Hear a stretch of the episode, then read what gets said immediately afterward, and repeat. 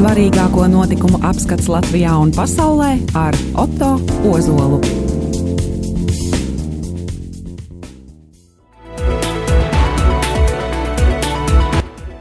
Labdien, cienījamie radiokamā arī klausītāji! Ar kārtējo mēnešu svarīgāko notikumu apskatu studijā atkal es, Oto Ozols. Atgādinu, ka esmu radiokamā arī Viļņos katra mēneša pirmajā pirmdienā, pulkstenis piecos pēcpusdienā. Nākošās nepilnas stundas laikā centīšos apskatīt daļu no mūsu prāta ievērības cienīgajiem notikumiem aizvadītajā mēnesī, februārī. Raidījuma pirmajā daļā par svarīgākajiem februāra notikumiem Latvijā, bet otrajā daļā par notikumiem citur pasaulē. Daži no tematiem. Runāsim par vairākām svarīgām saimnes iniciatīvām, ceļu satiksmes noteikumos, cigarešu tirzniecību, arī par Rail Baltica izredzēm sākt darbus laicīgi. Pieminēsim arī vairākus ievērojumus cilvēkus, kuri februārī atgriezušies mājās pie tā kunga. Tāpat uzzināsim vairāk par iespējamību, ka šogad Latvijā būs jauns valsts prezidents. Stāstīšu arī par pirmo sievieti kapelāni Latvijas armijā un atgādināšu stāstu par policijas atklāto Latvijas vēsturē pirmo uzbrukumu helikopteram ar lāzera staru. Runāsim arī par notikumiem citur pasaulē. Kā brāļi un māsas Igaunijā un Lietuvā atzīmēs 101. valsts dzimšanas dienu, kā Igaunijā cīnās ar spiegiem, un ko Ukrainas bijušais prezidents mazgājis Svetbankas Lietuvas filiālē. Par šiem un citiem svarīgākiem februāra mēneša notikumiem nākošajā nepilnajā stundā radījumā arī ēterā es, Oto Ozols.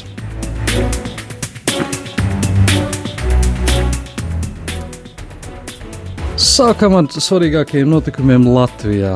Mēs neesam sakārtojuši šos notikumus pēc svarīguma, jo kurš gan spēj izmērīt, kas ir mazāk vai vairāk svarīgs bet centīsimies apskatīt notikumus chronoloģiskā secībā, sākot ar mēnešu, februāra mēneša pašu sākumu. Mēnesis sākās ar ziņu, ka partijas KPVLV valde 4. februārī nolēma no savām rindām izslēgt saimnes deputātu Aldi Gobzemi. To iepriekš rosināja partijas dibinātājs Artus Skaimiņš. Kāpēc sēdes informēja KPVLV saimnes frakcijas priekšsēdētāja vietnieks, partijas līdzpriekšsēdētājs Kaimiņš, izslēgt gobzem no partijas bez kaimiņa rosināja arī citi partijas biedri.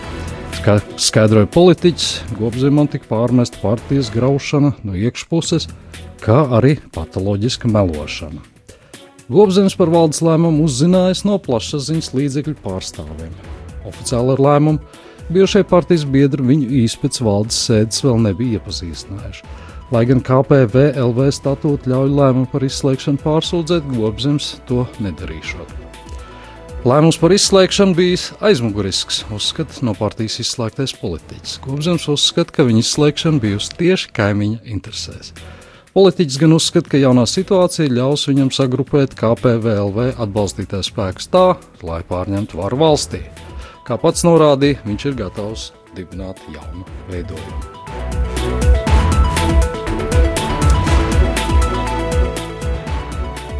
Vēl februāra sākumā uzzinājām, ka pēc Lielbritānijas ir apvienotās karalists izstāšanās no Eiropas Savienības, ir tā dēvētā Brexit, ceļotājiem, kuri ar gaisa vai jūras transportu iebrauks Latvijā no Lielbritānijas, būs jāmaksā nodokļi par precēm, kuru vērtība pārsniegs 430 eiro. Tā semināriem žurnālistiem stāstīja valsts ieņem dienesta muitas eksperta Irēna Knoka. Vienlaikus šķērsojot robežu ceļotājiem būs pienākums deklarēt skaidru naudu, tās apmērs būs ekvivalents vai pārsniegs 10 000 eiro. Knoka uzsver, ka Eiropas Savienībā no trešajām valstīm, kas pēc Brexit būs arī apvienotā karaliste, ir aizliegts ievest gaļu un gaļas produktus, kā arī piena un piena produktus. Tas attiecās arī uz dzīvnieku pārtiku, kuras sastāvā ir gaļas vai piena produkti. Savukārt uz zīdaiņu pārtiku tas neatiecās.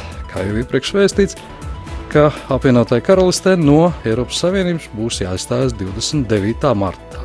Bez vienošanās par izstāšanās nosacījumiem ES Eiropas Savienības noteikumu pārsties attiekties uz apvienoto karalisti vienas nakts laikā.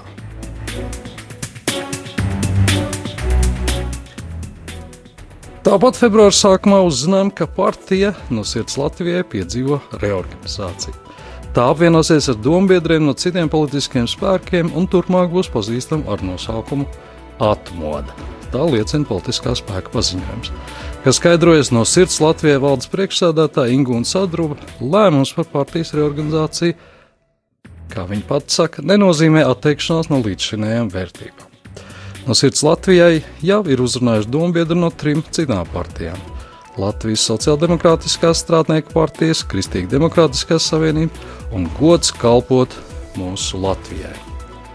Jāatgādina, ka tieši šīs trīs partijas pirms 13. saimnes vēlēšanām bija apvienojušās partiju apvienībā SKG. Savukārt partija no sirds Latvijai kandidēja rudenī notikušajās vēlēšanās atsevišķi. Ne Sudrabas, ne apvienības SKG pārstāvi 13. saimā netika ievēlēti.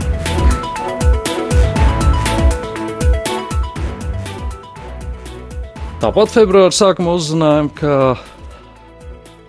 uh, pazīstamā pašmāja TV personība, kas jaunā gada pašā sākumā pameta TV kanāla 3 žurnālistu un ziņu diktoru Agnes Vārpiņa, izvēlējusies jaunu nodarbošanos.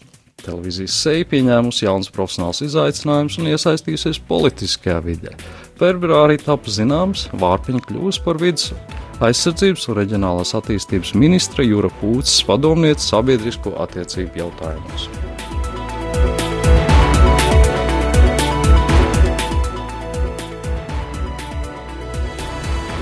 Februāra sākums nāca arī ar kādu skumju ziņu. 5. februārī mūžībā devās mūziķis, pasģitārists un ilgadējais Latvijas televīzijas skaņu režisors Silvers Sālīts. Tā, tā rakstīja Facebook lapā režisors Gunts Lēmans. Kā liecina aģentūras Latvijas arhīvā pieejamā informācija, Zālīts 2004. gadā saņēma Latvijas televīzijas balvu kā labākais skaņu režisors. Līdzās darbam Latvijas televīzijā Zālīts bijis arī 90. un 80. gados pazīstamās pazīstamu grupu Kapitālais remonts un jauns mēnesis basģitārists. Tāpat Zālīts bija skaņa režisors filmām Akmeņa debesīs, Džona Dreda sāla, sāla seriālismu gultās Sukuts, Līvs arotu un Māju. Rādījām arī vārdā izsaku līdzjūtību SKJ tuviniekiem.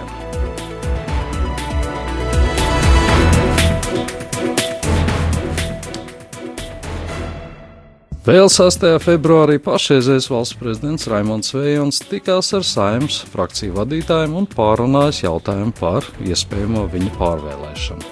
Prezidenta 13. saimnes vēl deputātiem būs jāievēl šovasar, turklāt pirmo reizi atklātā balsojumā. Lai pārunātu pārvēlēšanu jautājumu, prezidents Raimons Vējons individuāli ticies arī ar frakciju vadītājiem. Tā vēstīja Latvijas televīzijas ziņu pārraide panorāma. Šobrīd neoficiāli kulāros visaugstāk tomēr tiek vērtēts Eiropas Savienības tiesas tiesneša Egīla Levita izredzes tikt ievēlētam prezidenta amatā. Valsts prezidenta pilnvars beigsies 7. jūlijā, un saimā jau ierastā praksa jauno valsts prezidentu izvēlēties māja beigās, jūnijā sākumā. Valsts prezidenta un Eiroparlamenta vēlēšanas šogad notiks gandrīz vienlaikus.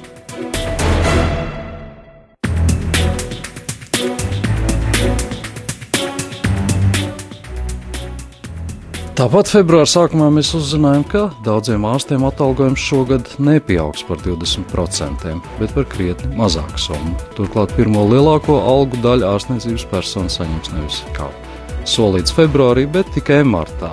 Tā februāra sākumā vēstīja telekompānijas LNT raidījums LNT ziņas. Jaunā veselības ministra Ilza Viņķele no partijas, attīst, partija apvienības attīstībai pār skaidro, ka daudzi pārpratuši iepriekš teikto, jo par 20% šogad pieaugs nevis mediķa algas, bet gan zemākais atalgojums. Līdz ar to, jo lielāka alga, jo mazāks pieaugums. Viņķele teica, es apzinos, ka tas rada rūgtu, neskaidrību un nesaprašanos, arī diemžēl vairu neusticēšanos politiķiem. Viņa jau piebilda, tādēļ, ko es varu teikt, skaidrot un skaidrot situāciju, kā atalgojuma pieaugums par 20% bija rēķināts par tarifu, bet, nu, diemžēl tāda tā situācija ir, ka cilvēki maldināti, atzina pašreizējā ministra.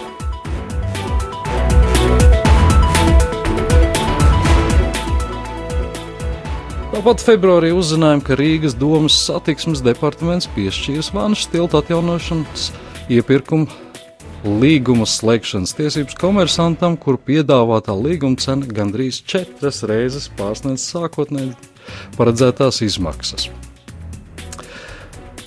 Iepirkuma procedūras ziņojumā lasāms, ka iepirkumā pieteicās divi pretendenti. Sijā tilts piedāvāja vannas tilta kāpnes atjaunot par 409,400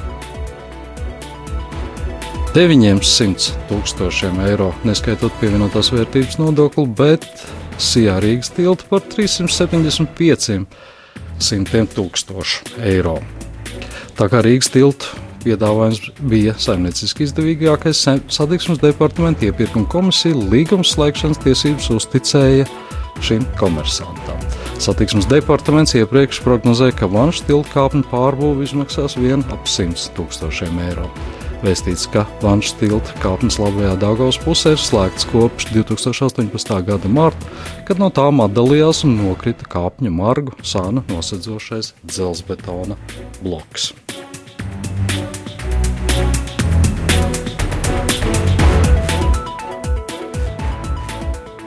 Vēl februāra sākumā izsolē par 250 tūkstošu un 800 eiro pārdotas maksātnespējīgai Akcijas sabiedrībai Liepājas metālurgs piedevušās būves un kustamā manta. Tā liecina informācija elektronisko izsoļu vietnē izsoles, izsoles.sta gov.lv. Liepājas metālurgs atgādina par maksātnespējīgu tika pasludināts 2016. gada septembrī.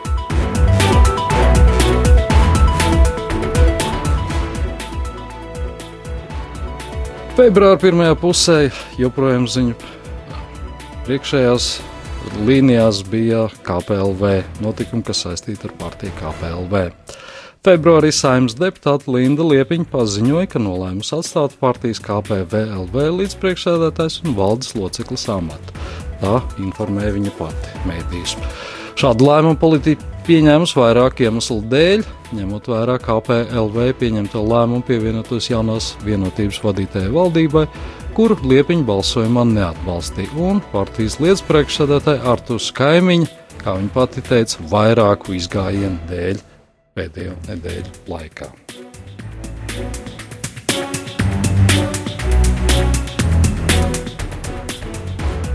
Februāra pirmajā pusē uzzinājām arī, ka bijušais korupcijas novēršanas un apkarošanas biroja, jeb KNAB priekšnieks, protams, bijušais Normons Vilnīts ir iesaistīts kādā krimināla procesā par iespējamu noziedzīgi iegūtu līdzekļu legalizēšanu. Tā liecina aģentūras Leta rīcībā esošā informācija. Valsts policijas preses pārstāve Ilza Jurēvics aģentūrai apstiprināja, ka 3. februārī Valsts policijas ekonomisko noziegumu apkarošanas pārvaldes amatpersonas aizturēja 3 1985, 1960 un 1973. gadā dzimušas personas aizdomās par noziedzīgu iegūtu līdzekļu legalizāciju un iespējamu citu noziedzīgu nodarījumu izdarīšanu, kas tiks skaidrots pirmstiesas izmeklēšanas laikā. Nevienai no aizdomās turētajām personām nav piemērots ar brīvības atņemšanu saistīts drošības līdzeklis.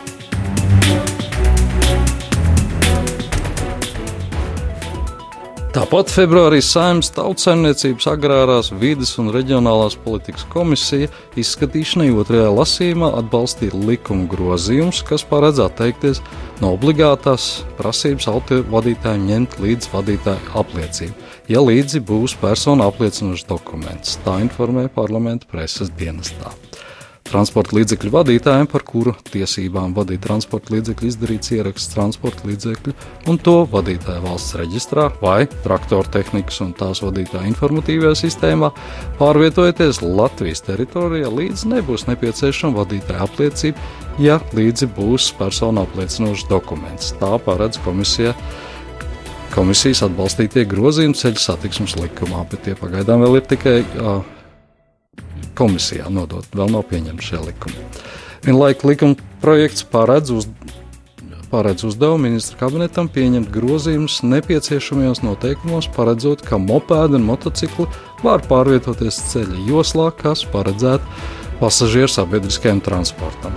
Plānots, ka ministra kabinetam šie grozījumi būs jāveic ne vēlāk kā līdz 1. augustam. Valsts tiesa ekspertīžu biroja eksperts Oskars Irbīts klātesošs informēja, ka tās varētu samazināt ceļu satiksmes negadījumos ievainoto motociklistu skaitu par 10 līdz 15 procentiem. Vēlreiz atgādinu, ka tie pagaidām vēl ir ā, ierosinājumi, un šīs minētās ziņas vēl nav stājušās spēkā.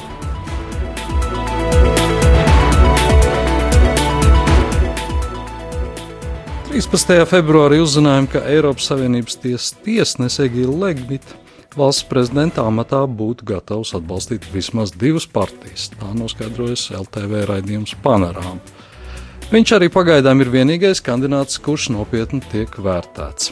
Augsta līmeņa konstitucionālo tiesību eksperts. Nav pamata mums virzīt savu kandidātu. Tā raidījumam izteicās jaunās konservatīvās partijas JKP saimnes frakcijas priekšsēdētāja Jūta Strīķe. Arī Nacionālās apvienības priekšsēdētājs Raivs Dzinters uzskata, ka šobrīd no tiem, kam būtu iespējas kļūt par valsts prezidentu, Levits ir labākais kandidāts. Mēs cenšamies saprast, vai iespējams panākt kopīgu vienošanos koalīcijas ietvaros par vienu prezidenta kandidātu, kurš būtu Egīls Levits. Mēs šādu viedokli noteikti koalīcijas sarunās pārstāvēsim, tā teica Raivis Dzinters. Arī premjera pārstāvētā jaunā vienotība vēlās, lai koalīcijas partijām izdotos vienoties par vienu kopīgu kandidātu. Levitam viņa nesaka nē, bet pirms tam vēlās dzirdēt virzītāju argumentus. Ašerādens teica, būtu ļoti svarīgi, lai koalīcija pati vienotos par vienu kopēju prezidenta kandidātu, nevis ka ievēlēšana būtu iespējama ar opozīcijas balsīm. Šajā situācijā es teiktu, ka mēs ļoti uzmanīgi klausāmies koalīcijas partiju piedāvājumos, un tad arī skatīsimies, kā virzīties uz priekšu. Norādīja jaunās vienotības saimnes prie... frakcijas priekšsēdētājs Arvils Ašerādens.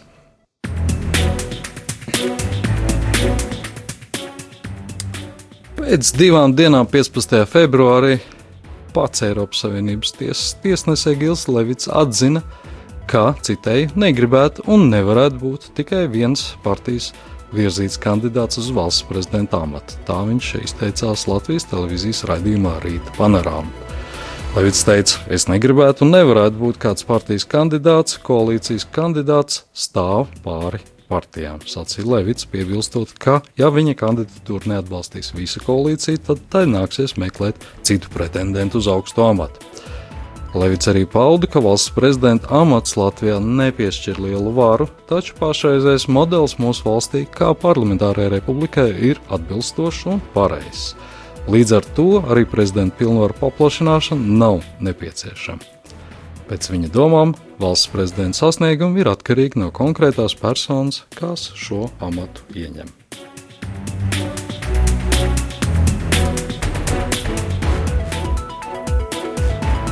Apmēram tajā pašā laikā pilsoniskā iniciatīva pār izcilu Latvijas valsts prezidentu izplatīja aicinājumu, kur bija parakstījuši vairāk nekā simts Latvijā zināmu cilvēku. Aicinājumā tiek mudināts saimnes pārstāvētās partijas, politiskās partijas virzīt Egīlu Levitu Latvijas valsts prezidenta amatam. Tā ziņa portāla Delfi informē iniciatīvas autoru.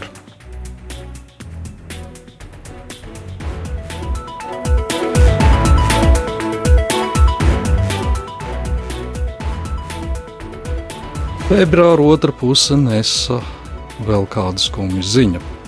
Svētdien, 17. februārī no rīta, 87 gadu vecumā, mūžībā aizgāja Jālgājas biskups Antons Justs. Tā apstiprināja Jālgājas diecēzes biskups Edvards Pavlovskis. Biskups Justs dzimis 1931. gada 22. novembrī un savus gaitas Jālgājas diecēzē sāka kā biskups 1996. gadā. Savukārt 2011. gadā viņš savus biskupa pienākumus nodevis esošajam Jelgavas diecēs biskupam Pāvlovskim.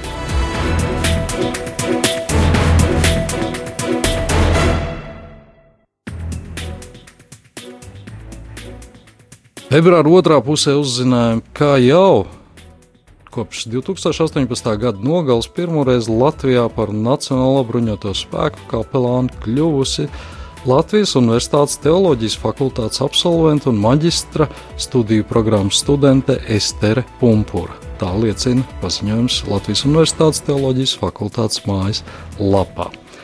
Iespēja kļūt par kapelānu Pumpurai nākus salīdzinoši negaidīt. Viņa uzrunājas Nacionālo bruņoto spēku kapelāns, teoloģijas fakultātes absolvents Uģis Brūklēne. Armijas kapelānam salīdzinājumā, piemēram, ar slimnīcu un cietuvu kapelāniem, lielākoties ir nepieciešams iegūt arī dienesta pakāpi. Latvijā gan armijas kapelāns var būt gan militārais, gan civilais darbinieks. Savukārt, lai iegūtu dienestu pakāpi, kapelānam ir nepieciešams izturēt tās pašas prasības kā topošiem karavīriem. Lai iegūtu kapelāna amatu Latvijas armijai, Pumpurai bija jānokārto evanģēlista eksāmens Latvijas evanģēliskajā Lutheriskajā baznīcā, jāsaņem kapelāna dienesta virskapelāna piekrišana, kā arī jānokārto Nacionālo bruņoto spēku pārbaudījumu.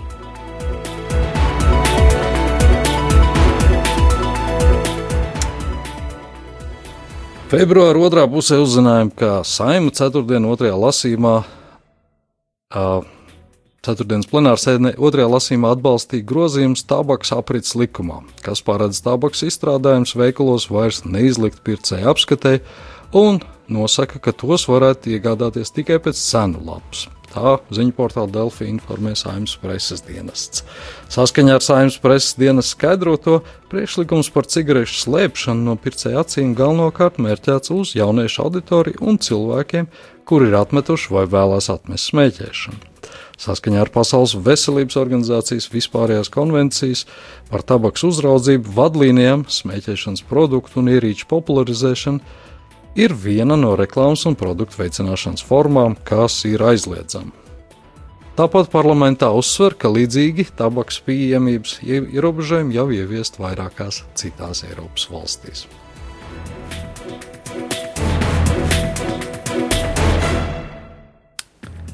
Februārī uzzinājām arī, ka lielā dzelzceļa pro projekta Rail Baltica izpilde kavēsies par vismaz diviem gadiem.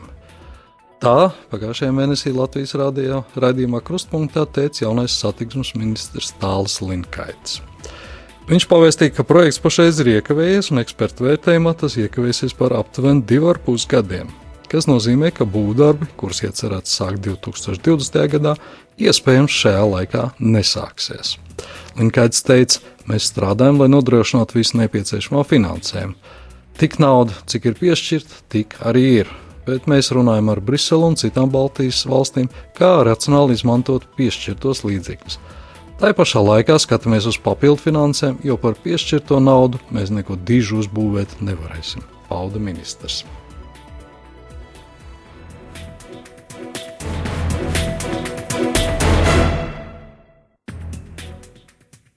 Tikmēr februārī labklājības ministra Ramona Petrāviča no KPVLV paziņoja, ka vēl vismaz mēnesi vai divus savu saimnes mandātu nenoliks. Tā viņa pavēstīja žurnālistiem. Petrāvičs paralēli deputāts amatam ieņem arī labklājības ministra amatu, un jau iepriekš vairāk saimnes kolēģi pauduši šaubas, vai politiķis spēs kvalitatīvi strādāt abos posteņos. Kā ziņots, Petrāvičs saimnes deputātu mandātu plāno nolikt tad, kad partijai partijas KPVLV parlamenta frakcijā tiks sasniegt stabilitāte. Tā intervijā aģentūrai Leta teica pati žurnāliste.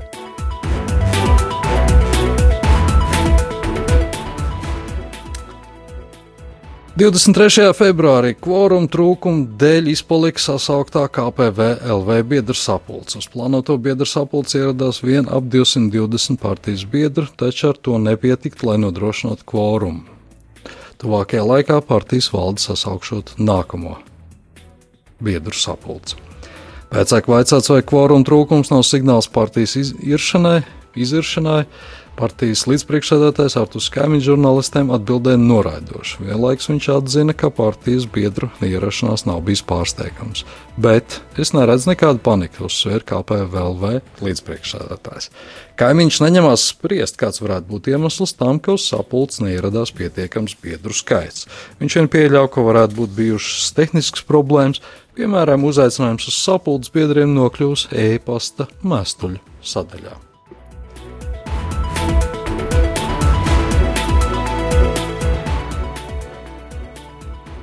Februāra beigās uzzinājām, ka partijas saskaņa varētu apsteigt vidas aizsardzības un reģionālās attīstības ministriju un pati atsaukt Rīgas mēru Nilu Šakovu, viņa vietā virzot Paibu Rozentāli.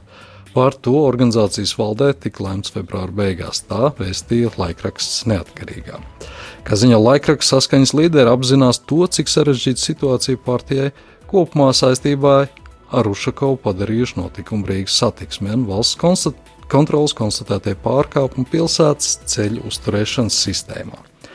Līdz ar to saskaņas valde varētu izvērtēt Rīgas domas sociālo lietu komitejas priekšsēdētājs Rozentāls kandidatūru mēra amatam. Partijā pastāv uzskats, ka viņa ir pietiekami pieredzējusi, lai varētu tikt galā ar Ušakovu atstāto mantojumu, vēsta laikraksts. Ziņots, ka no partijas saskaņa saraksta Eiropas parlamenta vēlēšanās kandidēs Rīgas mērs Ušakovs un bijušais vicemērs Andris Amerikas. Tā iepriekš vēstīja Latvijas televīzijas raidījums Panorāma.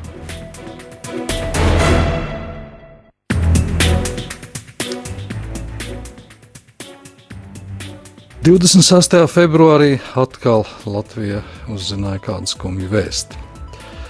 Pēc cīņas ar smagu slimību mūžībā aizgājis aktieris, režisors un uzņēmējs Andrejs Žagars. Pērn Andrejs Žagars nosvinēs 60 gadu jubileju.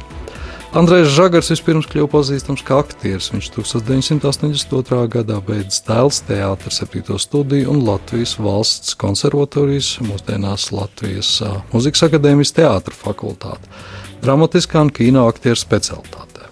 Tūlīt pēc absolvēšanas sācis strādāt dēls teātrī, kur spēlējis līdz pat 1994. gadam. Vienlaikus Žagars filmējās Rīgas studijas spēļu filmās, kā, tādās kā Ilgais ceļš, kāpās, dubultnieks un citās. Žagars ir redzams arī 2018. gadā tapušajā Latvijas simtgadsimta filmā Homo Novus. Tāpat Žagars filmēs arī Krievijas kinofilmās. 2015. gadā Žagars atgriezās dēls teātrī kā režisors, iestudējot Nikolā Bijona ziloņa dziesmas, bet 2016. gadā uz dēls teātras skatuves tāpa Antona Čehova trīs māsas Žagara režijā. No 1996. gada līdz 2013. gadam Andrēs Žagars bija Nacionālās operas direktors vienlaikus iestudēt arī operas izrādes. Viņa vadībā Latvijas Nacionālā opera pievienojas Eiropas Operu akadēmijas tīklam.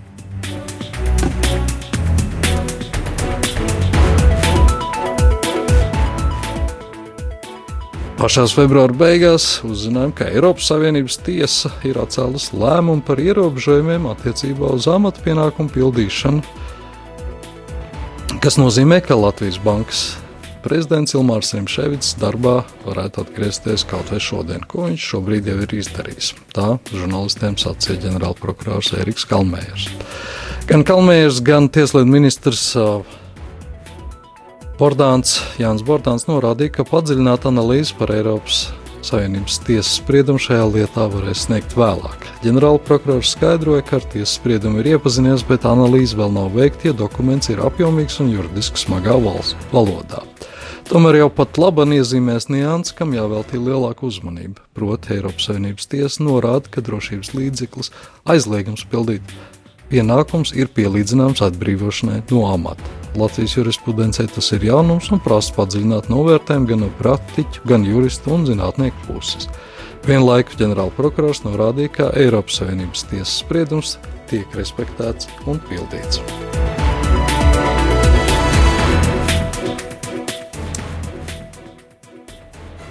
Februāra beigās policijas pārstāvi paziņoja, ka ir noskaidrojuši, ka Nacionālā bruņoto spēku helikopteru pilots spīdinot ar gaismas laserstaru apžilbinājis kāds 1978. gadā dzimis Sunākstas pagasta iedzīvotājs.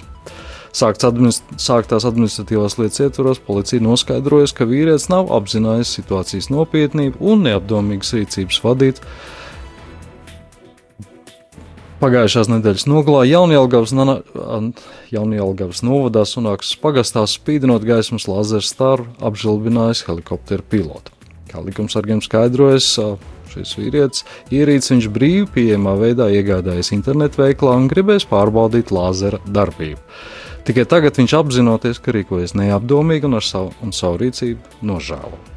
Atgādinu, ka 22. un 23. februārī Nacionālajā bruņoto spēku helikopters pēc neatliekamās medicīniskās palīdzības dienesta lūguma divreiz tika iesaistīts gaisa medicīniskajā transportēšanā, pārvedot kritiski smagus pacientus no Dāngopils uz Rīgas. Abas lidojuma reizes pārlidot virs Jaunjēlgavas novada Sunākas pagasta helikopteru virzienā tika radīt, raidīts spilgti zaļš lāzers stars, traucējot pilotiem veikt dienesta pienākumus.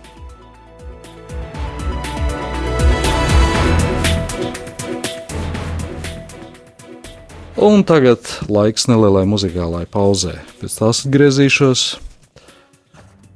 Ar februāra mēneša svarīgāko notikumu apskatu citur pasaulē. Atgādinu, ka radio Marijas studijā esmu es, Auto Ozols.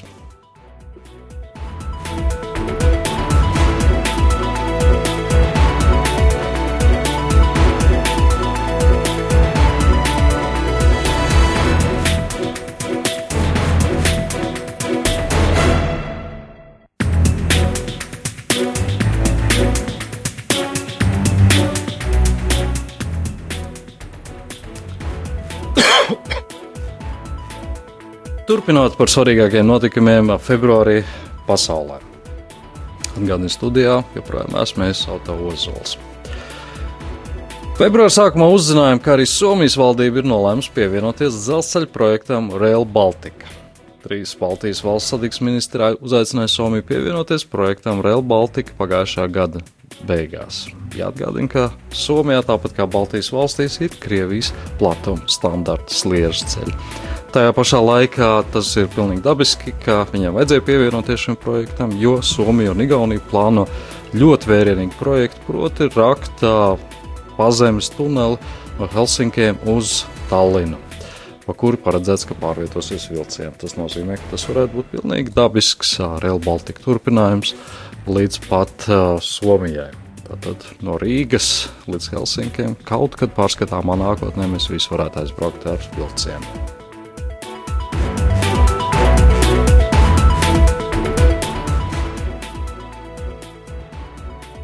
Februāra sākumā Francijā augstākā tiesa instance konstitucionālā padome paziņoja, ka patreiz spēkā 2016. gada pieņemto likumu, kas paredz soda naudas piemērošanu prostitūtu klientiem.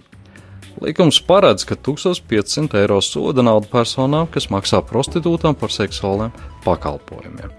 Ja persona gada laikā pieķerta divreiz vai vairākas reizes pārkāpjumu likumu, tai tiek piemērota 3750 eiro liela soda nauda. Savukārt maksāšana par seksuālām attiecībām ar nepilngadīgām prostitūtām sodām ar 45,000 eiro soda naudu un līdz 3 gadiem ilgu cietumsodu.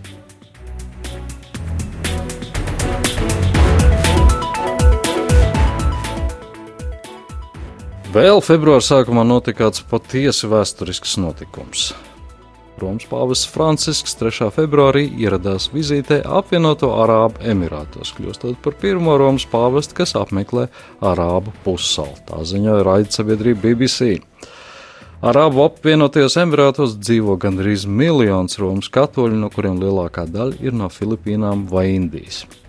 Video paziņojumā pāvests minēja, ka ir priecīgs par šo iespēju, citēju, rakstīt jaunu lapas pusi reliģiju attiecībās. Viņš arī godināja apvienotā Arābu Emirātus kā zemi, kas cenšas būt līdzās pastāvēšanas, cilvēku brālības un dažādu civilizāciju un kultūru tikšanās vieta. Britu radiostacija BBC uzsver, ka Vatikāns cer, ka pāvesta vizīte varētu atsvabināt ierobežojumus baznīcas veidošanai reģionā, īpaši kaimiņos esošajā Saudārābijā, kur ir aizliegts nemusulmaņu pielūgsmes vietas.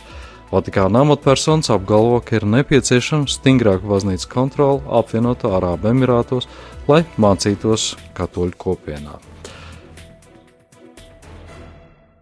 Mums esam izstiepušies, mums vajag vairāk baznīcu, vairāk garīdznieku, sacīja Vatikāna amatpersona.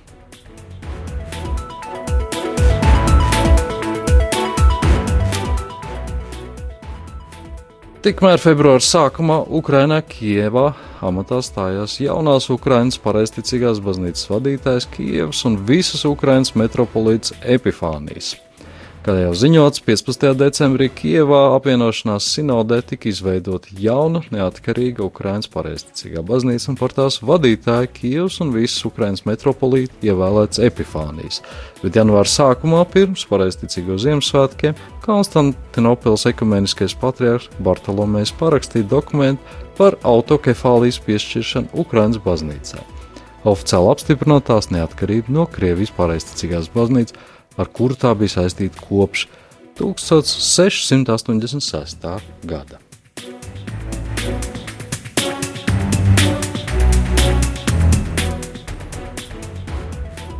Vēl februāra sākumā uzzinājām, ka Krievija konsekventi pastiprina savu militāro potenciālu Kaļiņģerads apgabalā. Taču NATO spēku klātbūtne mazina iespējamību, ka Maskava uzdrīkstēsies uzbrukt Baltijas valstīm. Tā teikts Lietuvas izlūkdienas gadījumā ikgadējā ziņojumā par apdraudējumiem nacionālajai drošībai. Kaļiņgrads apgabalā dislocētais karaspēka grupējums tiek konsekventi pastiprināts. Atjaunot vecā militārā infrastruktūra un izveidot jaunu, veidots jauns karaspēka daļas, piegādāts jauns bruņojums un kaujas tehnika. Sauszemes un jūras poligonos norisinās intensīvas kaujas apmācības. Tā norādīts dokumentā, ko izstrādājis Lietuvas valsts drošības departaments un aizsardzības ministrijas otrais operatīvo dienestu departaments.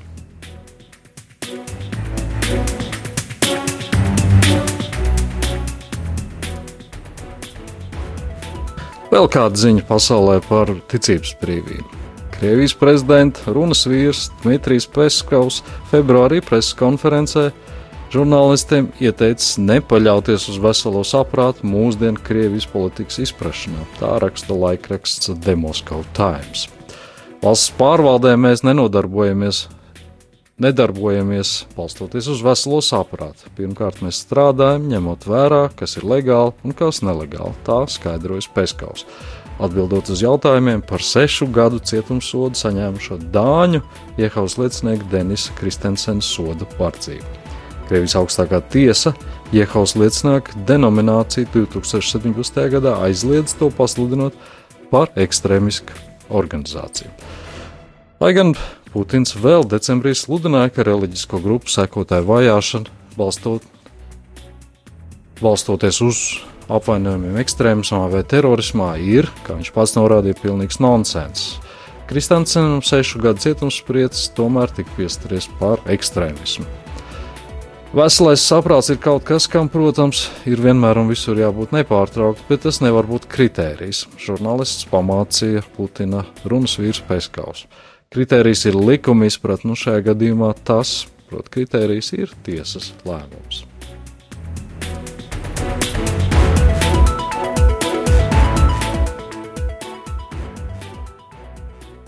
Septītais februāris bija skumja diena pasaules literatūras pasa pasaulē. 7. februārī 94 gadu vecumā mira britu rakstniece pazīstamā romantisko romānu un stāstu scenārija autora Rozamonda Pilčera. Tā mēdījiem apstiprināja viņas dēls Robins Pilčers. Rozamanda Pilčera piedzima Lelantā, Kornvolas ziemeļkrastā. Rakstīt viņa jau sākusi septiņu gadu vecumā, bet pirmais autors stāsts tika publicēts, kad Pilčerē bija 19 gadi.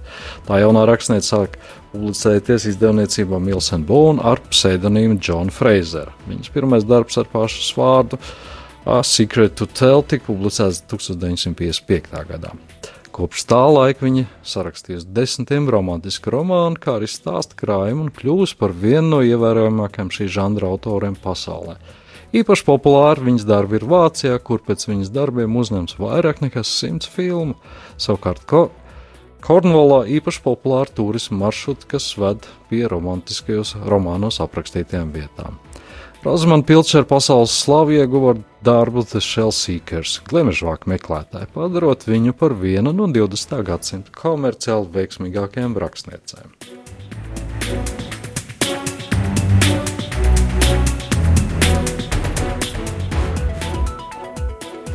Vēl februāra sākumā uzzinājām par kādu būtisku notikumu Ukrajinā.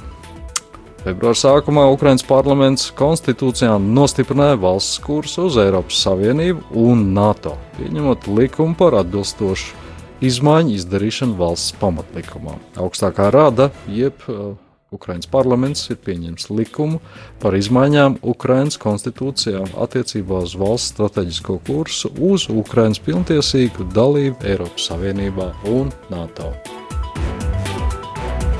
Likumprojekts, kura apstiprināšanai bija jāsaņem vismaz 300 deputātu atbalsts, tika pieņemts ar 334 balsīm. Lēmums ir pieņemts. Ukraiņa būs Eiropas Savienībā, Ukraiņa būs NATO. Sacīja parlamenta spīkers Andrijs Pārubijs. Tiesa gan jāatcerās, ka, ka savs vārds būs jāsaka arī pašai Eiropas Savienībai un NATO.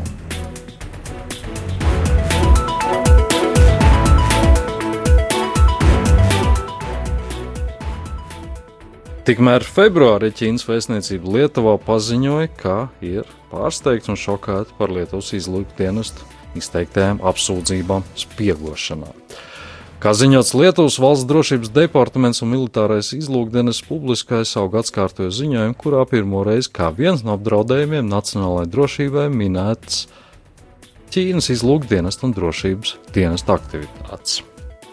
Dienas ziņojumā rakstīts, pieaugot Ķīnas ekonomiskajām un politiskajām ambīcijām Lietuvā un citās NATO un Eiropas Savienības valstīs, Ķīnas izlūkdienas un drošības dienesta aktivitātes kļūst arvien agresīvākas. Tā brīdina lietuviešu izlūkdienesta. Savukārt ķīnieši atbildēja, mēs uzskatām par pilnīgi nepieņemamu to, šā novērtējuma daļa un paziņojums, kas attiecās uz Ķīnu. Mēs izsakām stingru neapmierinātību un kategorisks iebildums pret šīm nepamatotajām apsūdzībām. Ķīna respektē Lietuvas suverenitāti un nacionālo drošību un neiejaucās tās iekšējās lietās. Teikts vēstniecības komentārā, kas tika nosūtīts ziņā aģentūrai BNS. Viesniecība norādīja, ka Ķīna nekādā veidā neapdraud Lietuvas drošību. Arī Latvijas valsts drošības dienas pievērš uzmanību Ķīnas izlūkošanas aģentu iespējamām aktivitātēm Latvijā, taču tomēr pagaidām Ķīnas centieni ietekmēt lēmumu un pieņemšanas procesu pretrunā Latvijas nacionālajās drošības interesēm, spiegot NATO noslēpumus vai izmantot Latvijas balstu Eiropas Savienībā, Ķīnas interesu lobēšanā nav novēroti. Tā ziņo LNT telekompanijas LNT ziņu raidījums.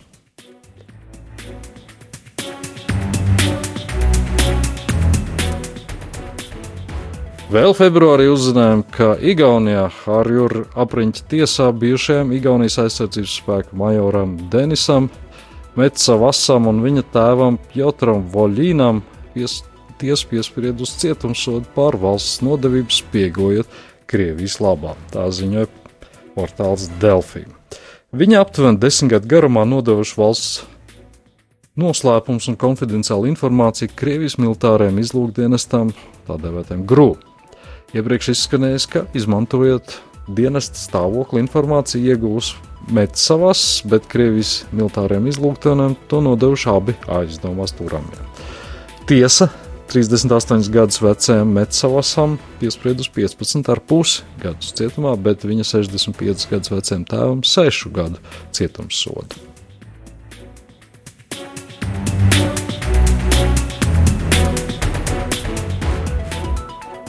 Vēl februāra vidū uzzinājām, ka Spānijas premjerministrs Pedro Sančes izsludinās pirmstermiņa parlamentu vēlēšanas, kuras paredzētas 28. aprīlī. Tās būs jau trešās nepilnu gadu, četru gadu laikā.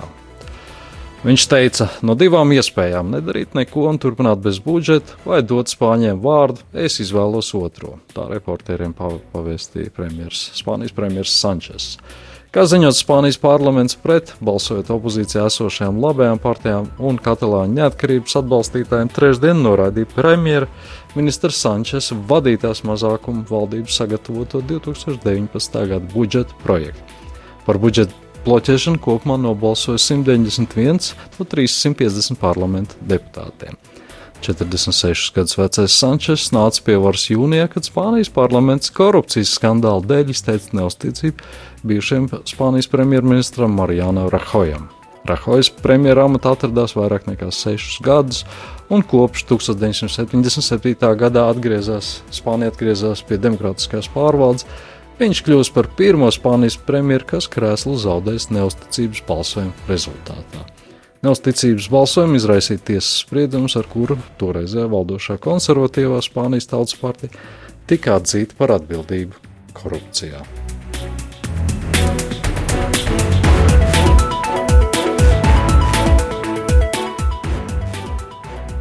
Vēl kāda skumja ziņa no mākslas pasaules. 16. februārī uzzinājām, ka 77 gadu vecumā mūžībā aizgāja šveiciešu aktieris Bruno Gans, kurš izpelnījis atzinību ar meistarīgu Adolfu Hitleru lomas atveidojumu 2004. gada filmā De Untergang, jeb sakāvi. Gans aizgāja no, sava, no dzīves savās mājās Cīrihā. Tomēr jāatzīmē, ka arī pirms filmas De Untergang, kurā tēlots kara beigās, kara beigu pēdējās dienas Hitlera bunkurā, Gansam jau iepriekš piespoža karjeru teātrī un kīnā daudzos izcilos darbos.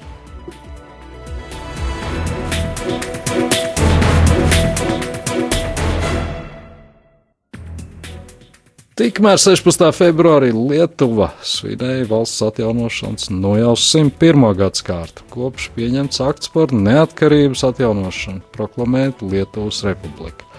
1918. gada 16. februārī Lietuvas Nacionālās atmodas tēva Jona Basanaviča vadītā Lietuvas padoma Viļņā parakstīja dokumentu, kurā pasludināja, ka Lietuva atjauno neatkarīgu uz demokrātiskiem pamatiem balstītu valsti ar galvaspilsētu Viļņā un norobežojas no visām valstiskajām saitēm, kādas tai jebkad bijušas ar citām tautām.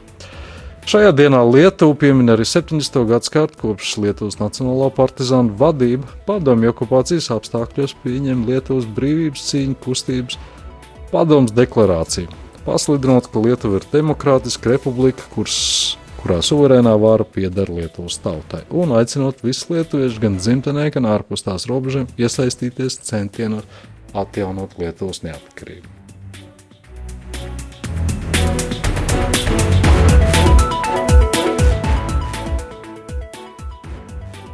Tikmēr no Lielbritānijas vēl kādas ziņas, kas saistītas ar vēsturiskām personībām. 17. februārī kapsētā Londonā jau otro reizi tiks apbojāts Kārļa Marks kāpa piemineklis. Šoreiz tas aprakstīts ar sarkanu krāsu. Haigeits kapsētā, kur atrodas Marks Kaps. Haigeits kapsētas pārstāvi ievietojuši Twitterī, sociālajos medijos, ievietoja fotoattēlus, kuros redzams, kā uz Marka skatu pieminiekļa ar sarkanu krāsu uzrakstīts Memoriāls bolševiku holokaustam, genocīda arhitekts, naida doktrīna un badināšanās ideoloģija. Sasīst arī marmora plāksnes kapu pieminekļi. Kapsētas administrācija nosodīja šādu rīcību. Viņa teica, lai ko jūs domājat par Marks mantojumu, tas nav jāpauž šādā veidā. Tā teikts Haigēts kapsētas Twitter kontā. Marksa kāpa pieminiekta bojājumi tika nodarīti jau februāra sākumā, tostarp tika sadalzīta marmora plāksne ar nelaiķu un viņa tuvinieku vārdiem. Pretrunīgi vērtētais Vācijā dzimušais 19. gadsimta ekonomists un par komunismu tēvu devētais Kārlis Marks pārcēlās uz Londonu 1849. gadā un tur nodzīvoja līdz sava mūža beigām. Marks aizgāja mūžībā 1883. gada 14. martā, 64 gadu vecumā. Granīta kapakmens, kas rotā Marksa bronzas krustēlu, tika uzstādīts 1956. gadā. To finansē Lielbritānijas komunistiskā partija.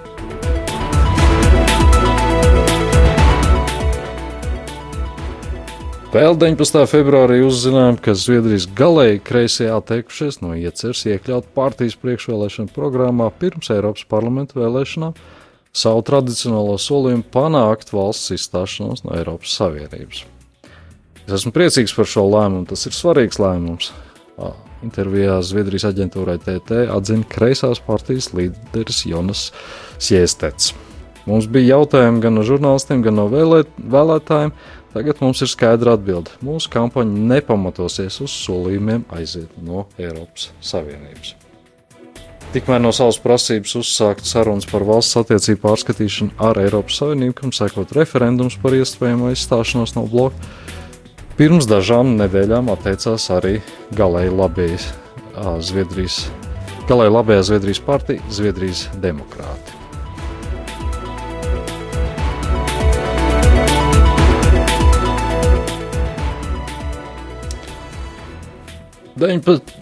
Februārs nesa vēl kādu skumju ziņu, šoreiz no modes pasaules. 19. februārī uzzinājām, ka pēc cīņas ar slimību 85 gadu vecumā mūžībā devies modes mākslinieks, stilīkona un modes nams Chanel radošais direktors Karls Lagerfelds. Savu karjeru Chanel modes namā Lagerfelds sāka 1983. gadā un darbojās tajā līdz pat savai nāvei. Tāpat arī viņš ir radījis pats savu zīmolu Karlu Lagerfeldu.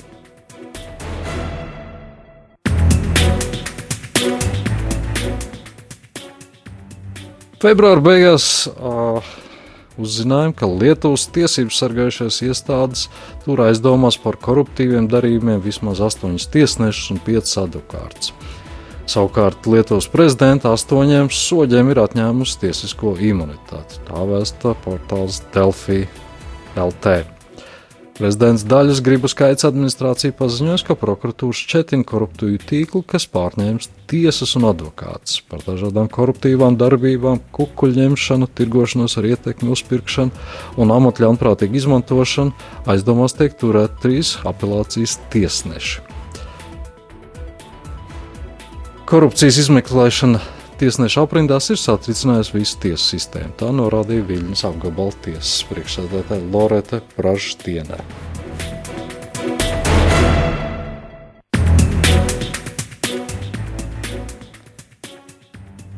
Vēl februāra beigās, nevis Lietuvā, bet Igaunijā notika kāds ļoti aizkustinošs gadījums, par ko plaši vēstīja Britu raidsabiedrība BBC.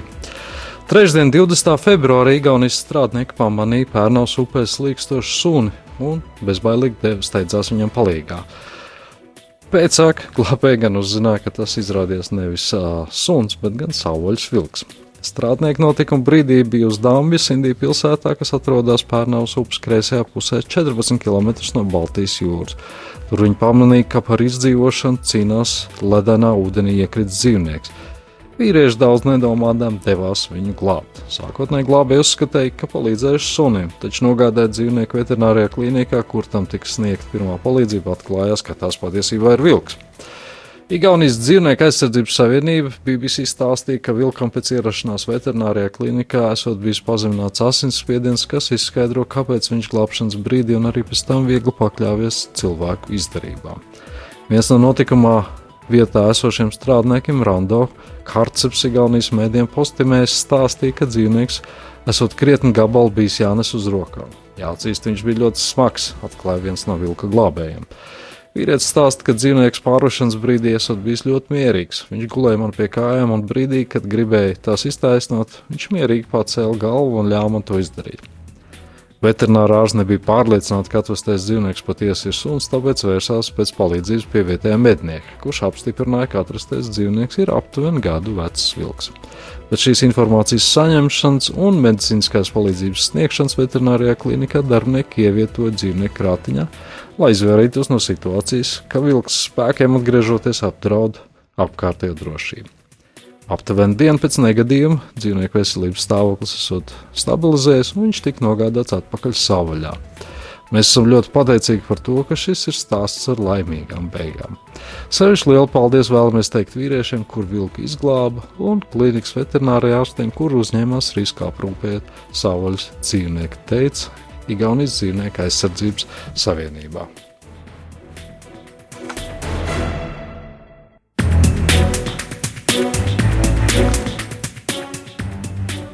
Burtiski pāris dienas vēlāk, 24. februārī, līdzīgi kā Lietuva, arī Igaunijas Republika svinēs 101. gadsimtu kopš proklamēta neatkarīga un demokrātiska Igaunijas valsts.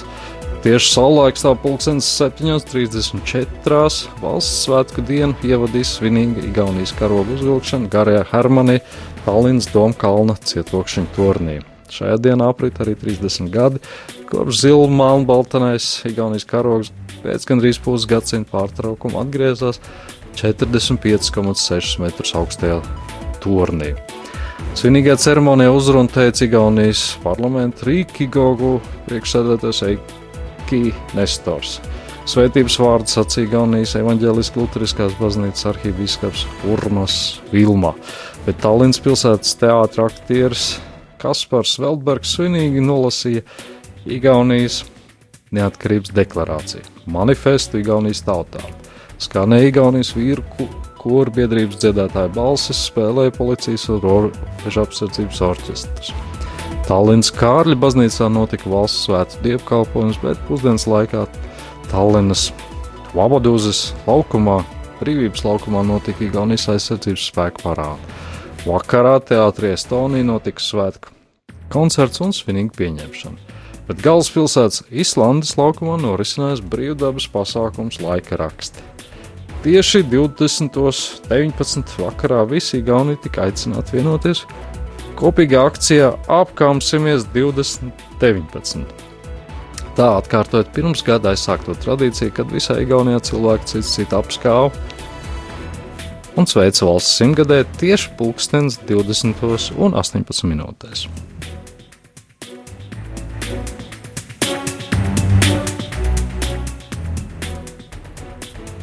Bet nu atgriežamies atkal pie notikumiem Lietuvā. Februāra beigās Lietuvas mēdīs ziņoja, esot pazīmes, ka saistībā ar mēdī ziņoto par aizdomām, ka caur Lietuvas Svetbanku varētu būt atmaskāta Ukrainas eksprezidenta Viktorija Janukoviča kukuļos saņemtā nauda, tiek mēģināts destabilizēt Svetbanku finansiālo stabilitāti. Tā paziņoja Lietuvas centrālās bankas uzraudzības dienesta direktors Vītauts Valvonis. Mums ir informācija, ka Svetbanka klients saņem izziņas, kurās teikts, ka viņa līdzekļi tiek pārskaitīti no šīs bankas uz citu banku. Mēs runājam par nopietnām lietām, ne tikai par izmeklēšanu, par naudas atmazgāšanu, taču arī par mēģinājumu destabilizēt finansiālo stāvokli, un tas jau ir pietiekami nopietni. Tā žurnālistiem teica Valbons. Lietuvas centrālās bankas preses sekretārs Giedrus Šņuks ziņā aģentūrai BNS teica, ka Lietuvas banka saistībā ar šīm izziņām vērsusies prokuratūrā. Valvons norādīja, ka Lietuvas centrālā banka sniegs palīdzību Zviedrijas un Igaunijas uzraudzības iestādēm, kas izmeklē aizdomas par naudas atmazgāšanu caur Svetbanku. Aizdomīgie pārskaitījumi saistīti ar autoru honorāru par Janukoviča grāmatu. Ukraiņas amatpersonas ieinteresējušās par 3,7 miljoniem eiro šajos pārskaitījumos. Taču Lietuvas mēdī apgalvo, ka tā ir tikai neliela daļa no naudas, kas pārskaitīta caur offshore kompānijām, kuras izmantoja Lietuvas Svetbanka. Iepriekš vēstīts, ka Zviedrijas sabiedriskās televīzijas pētnieciskās žurnāls programma Misija izmeklēšana ziņojusi par aizdomām, ka starp Danske banku un Svetbanku Baltijas struktūra vienībām laikā no 2007. līdz 2015. gada plašā apmērā un sistemātiski notikuši aizdomīgi pārskaitījumi, kuru kopējā summa sasniegusi vismaz 40 miljardus Zviedrijas kronu, kas ir 3,8 miljardi eiro. Aptuveni 50 klienti, skaitā bijuši ārzemju ārzem kompānijas un korporatīvie klienti, kas neveic reāli uzņēmumu.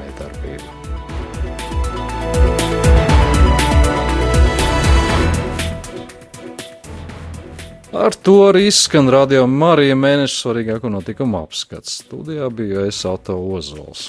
Tiekamies atkal aprīlī, kā vienmēr, pirmajā mēneša pirmajā pirmdienā, pulkstens piecos pēcpusdienā radio Marija Viļņos. Lai svētīgs jums pirmais pavasara mēnesis, marts. Visu labu!